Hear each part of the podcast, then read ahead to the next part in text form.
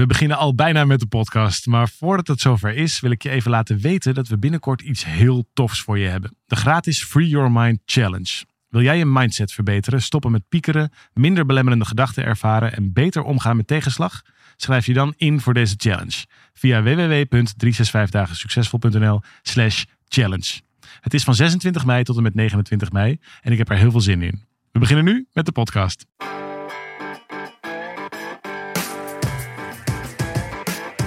Van harte welkom bij deze podcast van 365 dagen succesvol. Wij zijn David en Arjan en we delen in deze podcast de eye-openers die cruciaal zijn voor een gelukkiger leven. En dan zijn we zomaar weer een week verder. Van harte welkom bij weer een nieuwe podcast. Normaal gesproken met David en Arjan, zoals je al in de leader kon horen. Maar deze week niet met Arjan, maar met Emanuela. Ja, ik mocht uh, de plekje van uh, Arjen overnemen deze week. En we hebben een heel speciale gelegenheid. Maar voordat we dat allemaal gaan uh, vertellen, leuk dat je luistert. Welkom bij weer een nieuwe podcast, een nieuwe week. Zoals iedere week zitten we weer voor je klaar. Mocht je het nou interessant vinden, abonneer je dan even op onze podcast via je favoriete podcast-app. Spotify, Apple of waar je dan ook maar luistert. En als je het echt helemaal interessant vindt, help je ons natuurlijk enorm mee. Is na het beluisteren van deze podcast hem ook te delen. Want zo maken we samen van Nederland het gelukkigste land van de wereld. Maar goed, nu naar het onderwerp van deze week. Want ja, we kijken in deze podcast altijd een beetje naar wat is er nou zo gebeurd de afgelopen week. En er is iets heel bijzonders gebeurd. Namelijk het boek van Emanuela, Mijn Geliefde. Ook best wel een bekend gezicht bij 365 dagen succesvol. Maar mocht dat nog niet zo zijn, zal ik er ook nog wel wat verder introduceren. Maar ik ben daar dus apen trots op. En ik vind het hartstikke leuk dat je er hierover komt vertellen. Dus Dank welkom wel. Emanuela in je eerste 365 podcast volgens mij. Absoluut, dat is mijn eerste keer hier in jullie studio, de podcast. En dankjewel. Ja, ik ben benieuwd hoe dat werkt. Nou, dat is op zich betrekkelijk eenvoudig. Namelijk gewoon met mij kletsen eh, en in de Over wetenschap- liefde. Ja, Dat gaat mij- lukken. Toch? Ja, daar hebben we het best wel vaak over. In, in heel veel verschillende kleuren, kan ik je vertellen. Dus nogmaals, leuk dat je luistert. We gaan het vandaag hebben over het boek van Emanuela. Oneindige liefde. Sinds vorige week in de winkels. En dat gaat hartstikke goed. We krijgen er heel veel leuke reacties over. Ja. En ja, dat is ook een beetje een, ehm, een, een open boekje over onze relatie. Want je hebt beschreven eh, hoe wij dat allemaal doen en hoe wij dat meemaken thuis. En niet altijd eh, de leukste, maar wel hele sappige eh, details. Klopt. Maar het is een boek over liefde. En inderdaad, het idee was: hoe vertel ik een verhaal waar mensen echt kan begrijpen, maar ook kunnen voelen? En wat een betere verhaal dan eigen verhaal. Dat is eigenlijk onze verhaal geworden. En ja, inderdaad, er zijn details, maar ook de, de hangwatten en de gereedschap om hoe je vooral dingen niet moet doen in je relatie.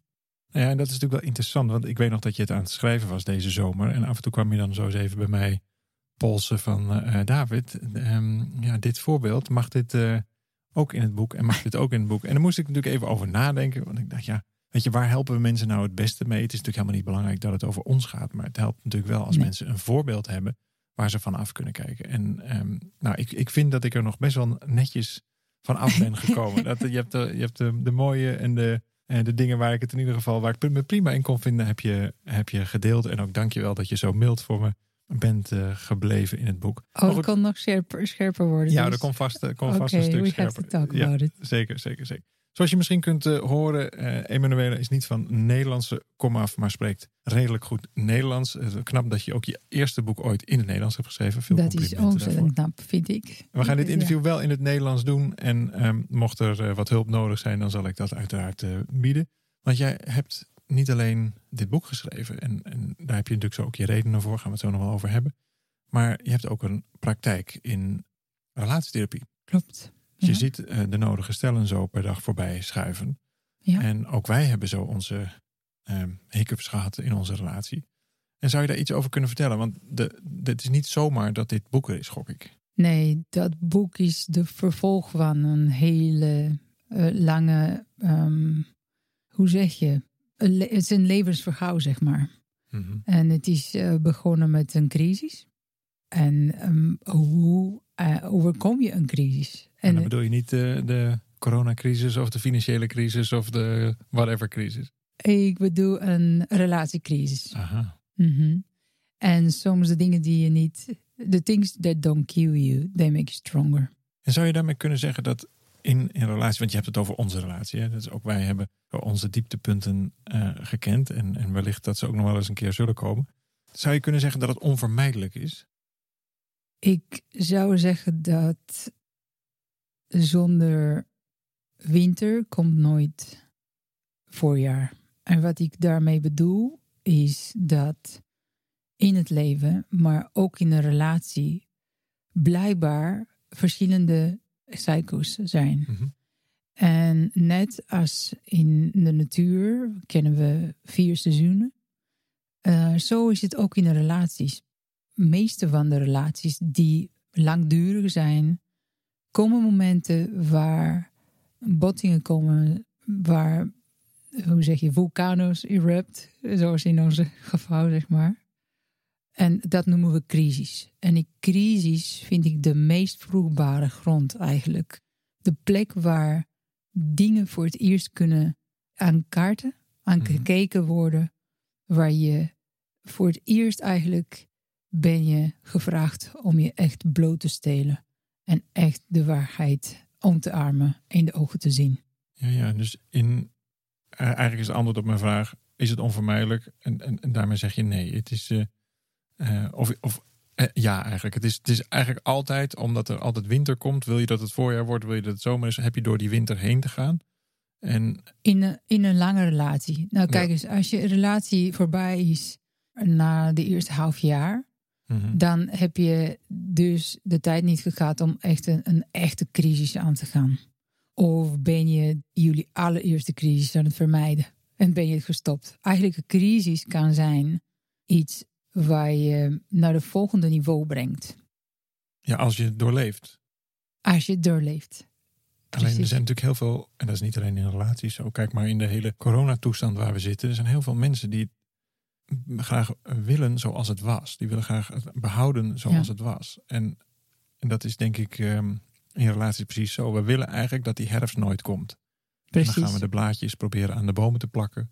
En Ja. Desnoods met heel veel lijm en plakband. Maar het mag Absoluut. nooit herfst worden. Het mag Nee. niet in verval raken. Het, ma- het, moet, het moet altijd maar tien dagen achter elkaar zomer zijn. En dat is gewoon nooit zo. En ik kan me wel voorstellen wat je zegt in relaties, dat in die eerste paar maanden dat wel kan voelen alsof je door allerlei, eh, nou, door een hele rollercoaster bent gegaan. Natuurlijk.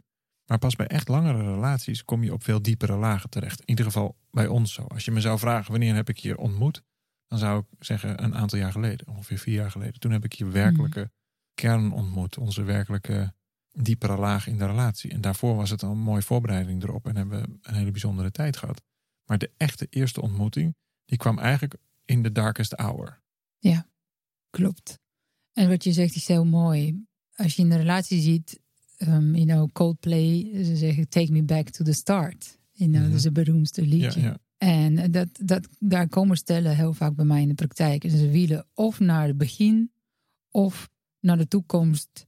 Maar als het alleen maar beter gaat. Mhm. En ik zeg maar, de werk is in het nu. Dus wa- wat je nu kan doen, is het omarmen wat, er, wat de crisis jou aanbiedt. Omdat één is het begin, wat ligt eigenlijk in het verleden. En de andere is de hoop van een betere toekomst. En ik denk, om iets te hopen dat het gaat veranderen van zichzelf, is eigenlijk de grootste redenen tot een crisis en tot scheidingen. Omdat het is te vergelijken met hopen dat morgen je een baan gaat vinden en dat wij weer een mooie relatie zouden vinden. Of hopen dat we een nieuwe huis kan vinden en dan pas kunnen we met elkaar verbinden. Of als de kinderen groot zijn.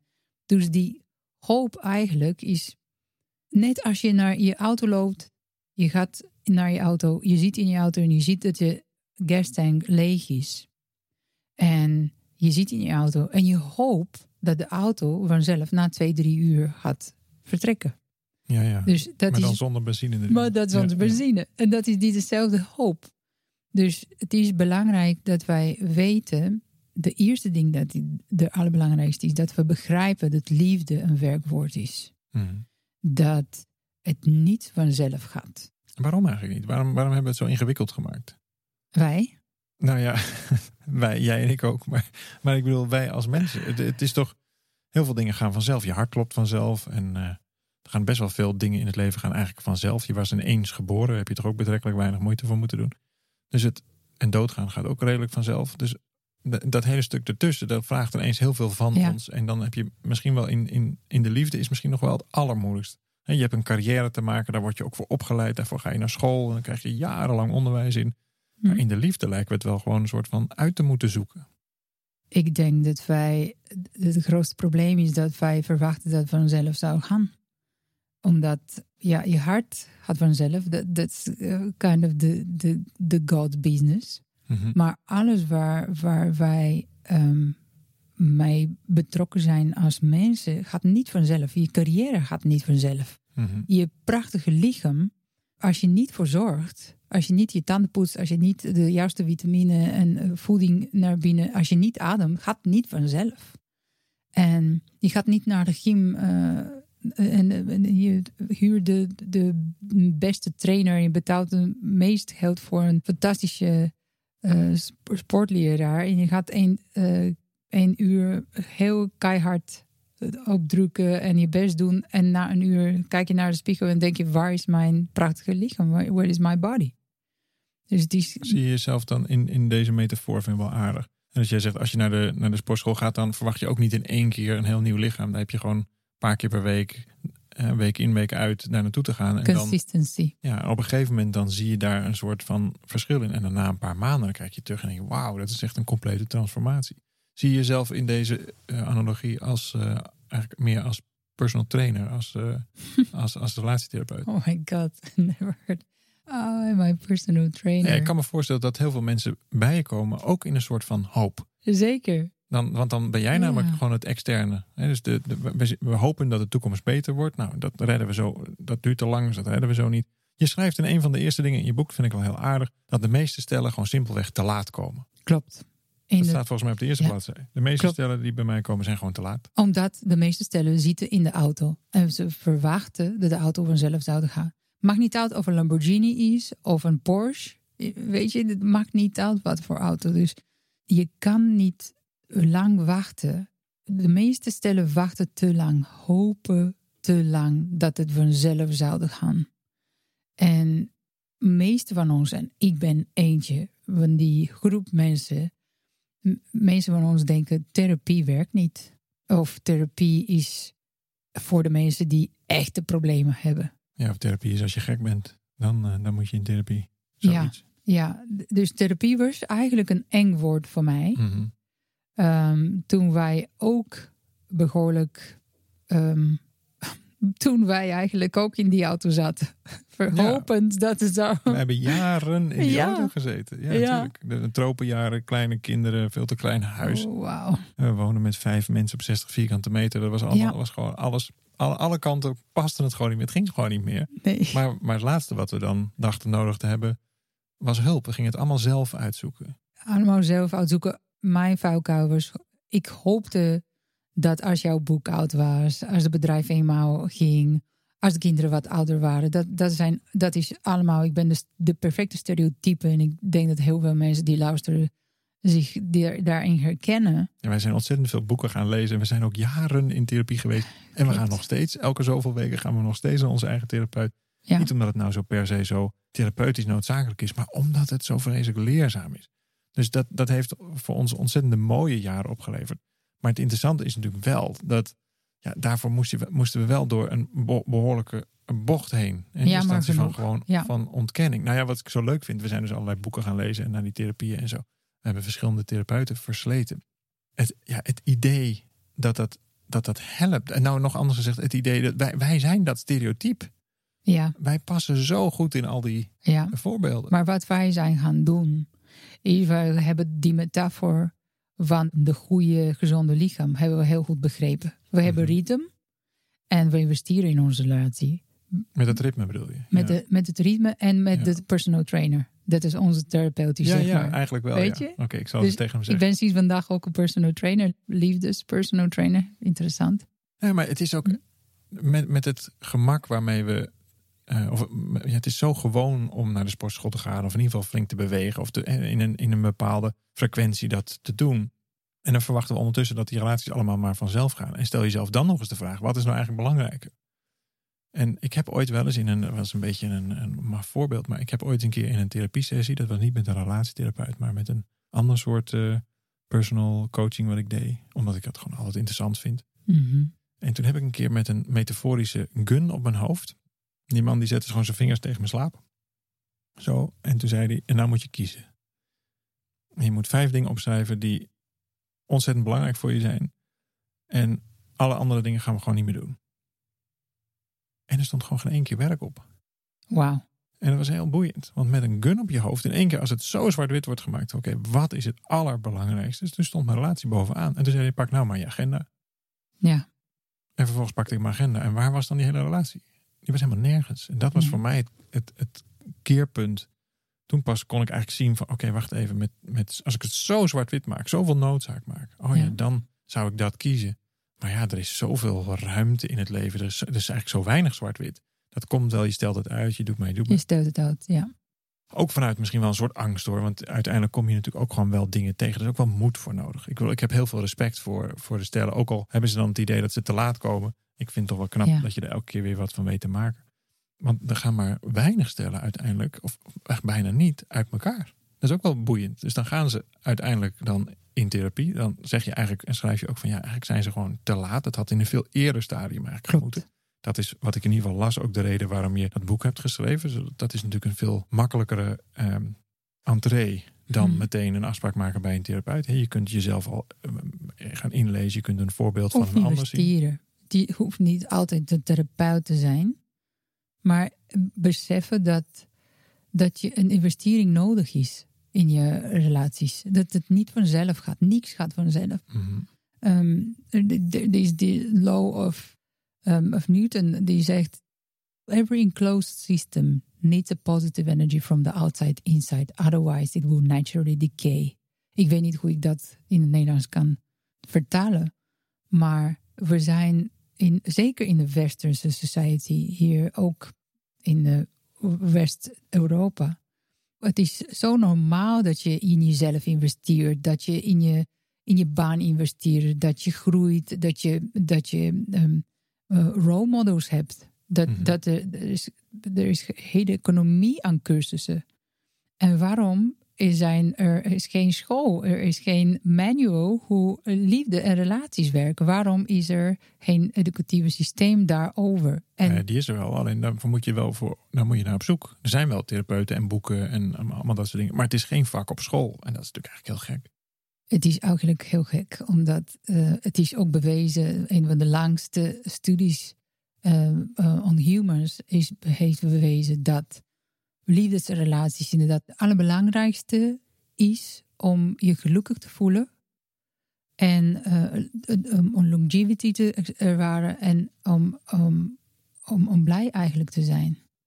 Dus dat is, dat is al bewezen. Dat is een van de langste studies die wij Ja, is een bekend Harvard-onderzoek geweest naar Ja. wat, wat maakt nou langdurig gelukkig. En een van die opmerkelijke uitkomsten waren de mensen die een lange, rela- een lange een, een ver- verbinding ervoeren in een lange relatie. Ja. Die bleken het meest gelukkig te zijn. Dus dit, het, het, is, het is ook waar. Want in, ehm, kijk maar hoeveel mensen op zoek zijn naar een relatie of pijn ervaren van een niet functionerende relatie. Het, het behelst heel veel. Je kunt wel doen alsof het maar een onderdeeltje van je leven is. Maar stel dat jij en ik geen fijne relatie zouden hebben. En dan kan ik wel naar mijn werk gaan om als een soort vlucht en dan maar heel hard te gaan werken.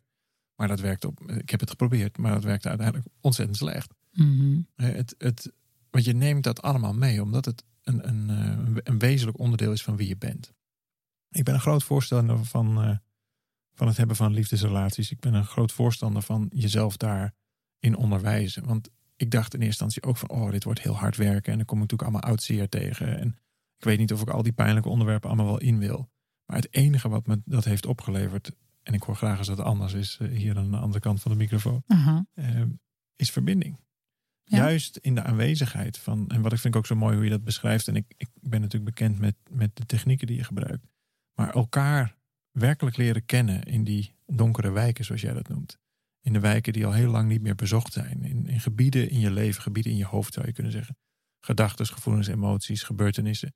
Om dat met degene die je die je lief hebt, om met, met je eigen partner dat te beleven, of eigenlijk her te beleven. Iemand uit te nodigen in, in die staat van kwetsbaarheid.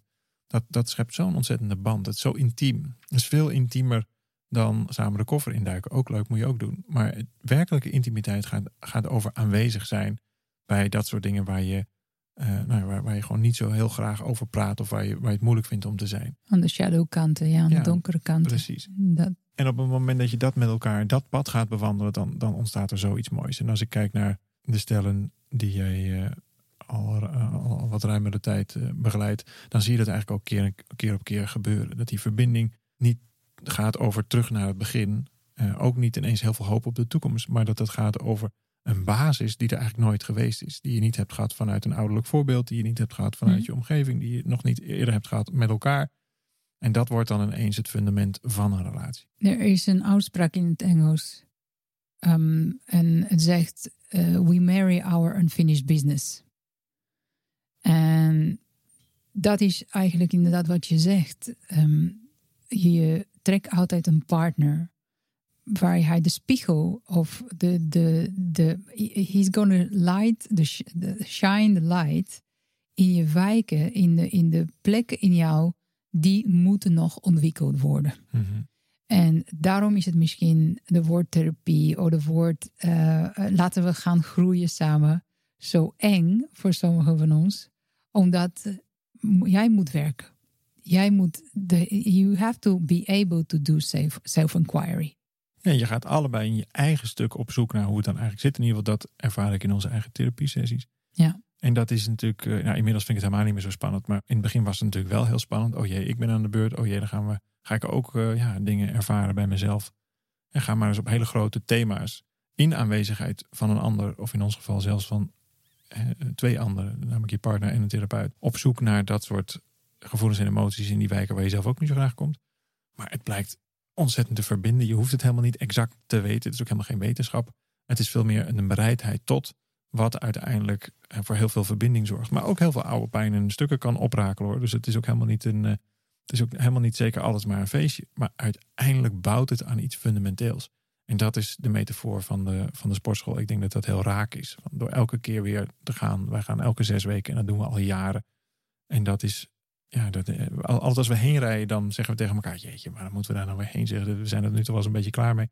En als we dan weer vandaan komen, dan zeggen: Hé, hey, wat, wanneer is het weer over zes weken? Want we hebben nog wel een lijstje met dingen. We hebben nog weer heel veel te doen. Hm. Dus dat is ook heel, heel, heel grappig en heel leuk. We zitten ruimschoots aan de tijd. Ik eh, kan me zo voorstellen dat we er gewoon volgende week nog eentje doen. Want uh, we zijn hier nog lang niet over uitgesproken. Vind je dit nou interessant? Wil je hier meer over weten? Kijk dan eens op eh, bol.com bijvoorbeeld, op uh, Oneindige Liefde, geschreven door Emanuela Dejanova. Prachtig boek, mooi vormgegeven met allerlei oefeningen erin, waarin je ook heel, heel praktisch beschrijft hoe doe je dat nou, hoe bezoek je elkaar nou op die, um, op die onderwerpen waar je uh, misschien wel nog nooit elkaar hebt leren kennen. Uh, het is een hele veilige handleiding voor een verdiepende relatie. Ik vind het in ieder geval heel prachtig, vond het ook leuk om, om te lezen. Ik ben heel benieuwd wat jij er als luisteraar van vindt. Laat het ons alsjeblieft weten. Praat terug uh, ook over toekomstige onderwerpen en dingen waar je graag meer over zou willen leren. En dan zijn wij er gewoon volgende week weer. Wens ik je een hele geweldige week. Dankjewel Emanuela voor je mooie woorden en voor je mooie boek.